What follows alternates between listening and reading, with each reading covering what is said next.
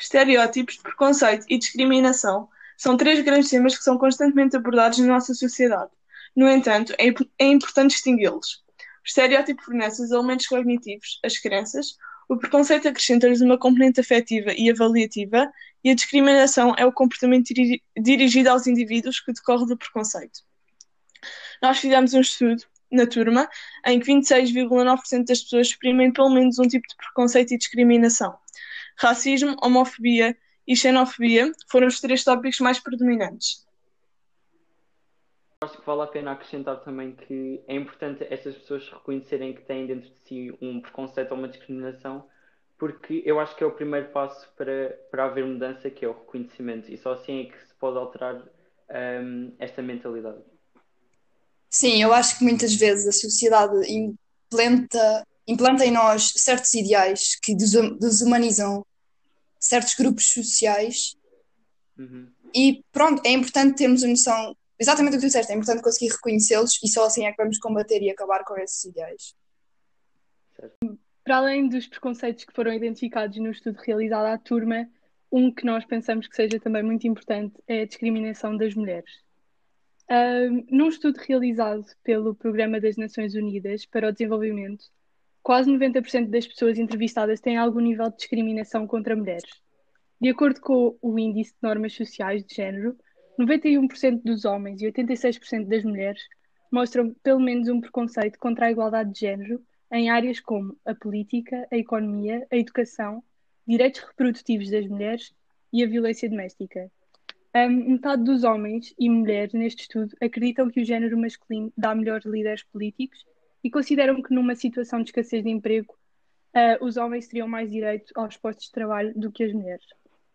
Uh, os dados mostram também que 28% das pessoas entrevistadas consideram ser aceitável que um homem bata numa mulher.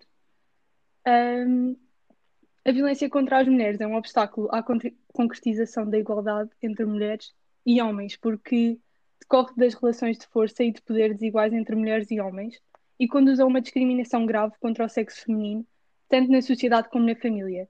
Viola os direitos da pessoa humana e as suas liberdades fundamentais. E é um atentado contra a integridade física, psíquica, financeira e ou sexual das mulheres.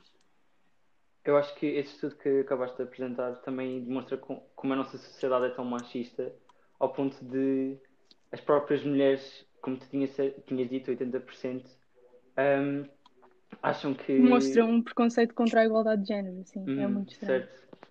Ok, por exemplo, das discriminações salariais contra as mulheres que também evidenciam uh, esta discriminação, uh, são o resultado de um conjunto de desigualdades que é, que é ainda necessário combater, e nomeadamente a ideia de que há trabalhos para homens e uns para mulheres, que começa a ser introduzida e transmitida na socialização, logo na, na educação das crianças.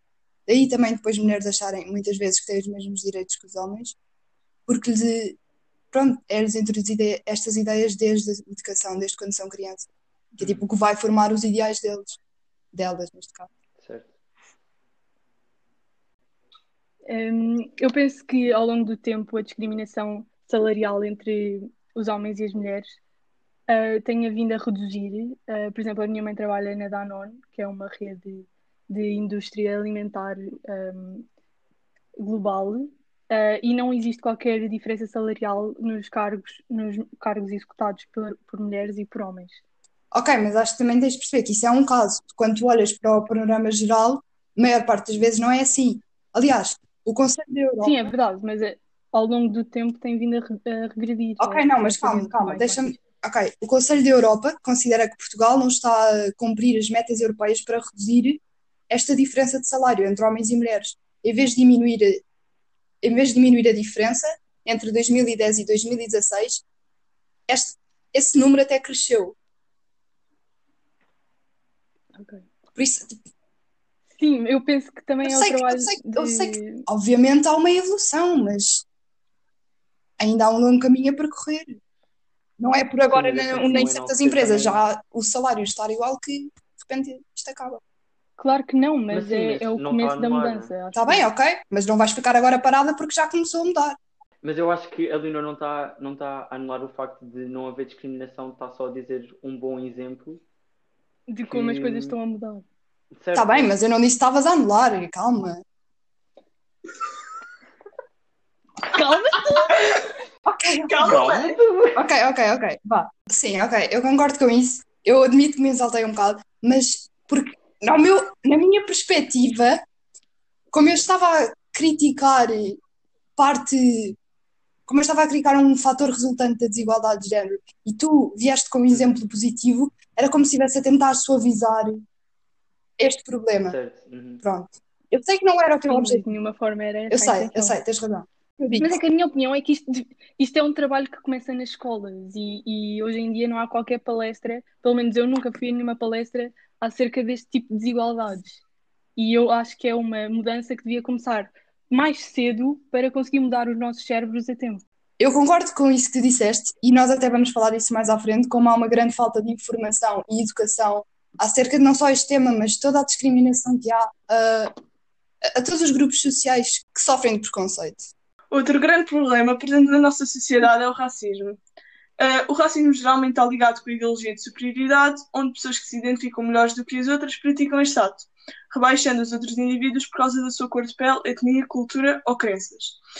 Ah, em 2020 foi feita uma sondagem em que se concluiu que dois terços dos portugueses manifestam pelo menos uma forma de racismo. Uh, eu acho isso interessante porque vai bastante contra aquela ideia que acredito que provavelmente vocês já ouviram que não existe racismo em Portugal. Aliás, em 2020 foram muitos os casos de racismo que aconteceram em Portugal. Os que mais sobressaíram foi a mulher que foi agredida pela polícia por não apresentar bilhete de autocarro. Ah, quando o jogador do Porto, o Marega, abandonou o jogo ap- após ouvir insultos racistas vindos dos adeptos do clube rival. E o pior dos ataques talvez tenha sido quando o ator Bruno Candé foi assassinado. E o que eu achei muito interessante é que, eu não sei se vocês estiveram presentes nas redes sociais quando esses casos aconteceram, mas as pessoas tentaram sempre suavizar esses crimes, até com, eh, no caso do Bruno Can- Candé, acho que é assim o nome dele, ahm, com o caso do Bruno Candé, eh, tentaram suavizar o, o crime ao, ao dizer que era um senhor que metia hum, música alta e que eh, impressionava as pessoas com- ao passear o seu cão. Também no, no primeiro caso referiste que era de. A senhora do autocarro. Pronto, tam- também tentaram suavizar eh, o que aconteceu ao dizer que ehm, ela devia sim ter apresentado o cartão e que se calhar isso é uma das consequências. E depois também ouves muitas pessoas a dizer que esses ataques não têm nada a ver com o racismo, que o facto das pessoas serem negras não teve qualquer impacto. O que depois é bem ridículo, porque se tu comparares as percentagens de agressão por parte da polícia, ah, É sempre mais dirigida para as pessoas com. as pessoas negras, mas Que Sim, aliás, há um estudo que foi feito há uns anos que mostra que a violência policial em Portugal tem vindo a aumentar. Quando, quando as pessoas negras são atacadas pelos polícias, normalmente eles também se esticam para os polícias. Mas os, os polícias também têm a tendência de usar eh, a sua, o seu cargo como desculpa ou tipo arma de violência eh, que possa ser desculpável, eh, porque têm sempre o argumento de estava estava tipo Era para defesa. sobre ameaça, então usei, yeah, usei por defesa. Mas não sei, tipo, normalmente também não, pode não ser sempre Tá bem, assim, mas- tu, há, Não há um medo que tu nunca vais ter como, como cidadão, como cidadã branca. Tu nunca vais ver um polícia e ter medo que ele te discrimine e depois que aconteça alguma coisa por causa Sim, do isso é papel. verdade. Isso nunca vai acontecer. Sim, sim, Aliás, dos casos mais recentes foram as ameaças de morte enviadas a vários dirigentes antirracistas, entre eles Mamadou Ba, que é dirigente do SOS Racismo. Todos estes atos levaram a que a Rede Europeia contra o Racismo apelasse uma resposta in- institucional urgente, coisa que os ativistas já tentavam fazer há algum tempo. O caso agora mais falado de, de racismo nos últimos dias tem sido sobre a família real britânica, não sei se viram, ah, mas que é uma família que sempre foi muito bem conotada aos olhos da, da opinião pública e apercebemos que afinal caracteres físicos e hereditários como a cor da pele atribuem, entre aspas, ahm, o direito de dominar ou mesmo de suprimir os outros ah, considerados inferiores. Ahm, o filho da Meghan foi excomungado da família porque a sua cor da pele podia ser muito escura para pertencer a esta família. Todas as pessoas da realeza têm um título, tipo Duque, não sei Não ia quê, ter nada esse não era- ia ter um título. segurança, tipo, ia estar e não ia estar lá, basicamente. Como é que a cor da pele é o- é motivo disto tudo? Yeah. Sim, eh, aliás, como na Inglaterra, cá em Portugal também temos um exemplo de uma pessoa com influência política que está cada vez a ganhar mais visibilidade e mais voz. Um, André Ventura, na sua campanha eleitoral, disse que se fosse presidente não seria todos os portugueses. Um, com isto, o avanço da extrema-direita traduz em recursos significativos e inaceitáveis na luta pela igualdade entre mulheres e homens, assim como no combate ao racismo e outras discriminações contra minorias. Nós tivemos durante imenso tempo a lutar pelo, pelos direitos das mulheres e para agora chegar um populista de extrema-direita e tentar destruir tudo o que al- alcançámos até agora, desde a pena de, de morte Ao direito ao aborto, yeah, exato. Essas coisas todas. E, até ao- e aos depois tens das várias pessoas também Exatamente. apesar de votarem no André Ventura, dizem que não partilham os mesmos ideais que eles. Muito preocupante, porque basicamente estão a dizer, estão a desvalorizar a importância da igualdade. Não, o facto de ele ter eh, eh, ideais homofóbicos, eh, xenofóbicos, machistas, não os impede de votarem nele. Tal como o Leonor referiu, é importante lutarmos pelos direitos das mulheres, ah, mas não podemos ah, esquecer de incluir to- todas as mulheres, nomeadamente as, as mulheres trans, que são muitas vezes, das vezes oprimidas. Ah, Ia-vos dar agora um exemplo de, de uma dessas opressões, ah, que é o caso de Gisberta. Gisberta Salles Júnior era uma mulher trans que veio para Portugal com 20 anos para fugir a uma vaga de homicídios a transexuais em São Paulo.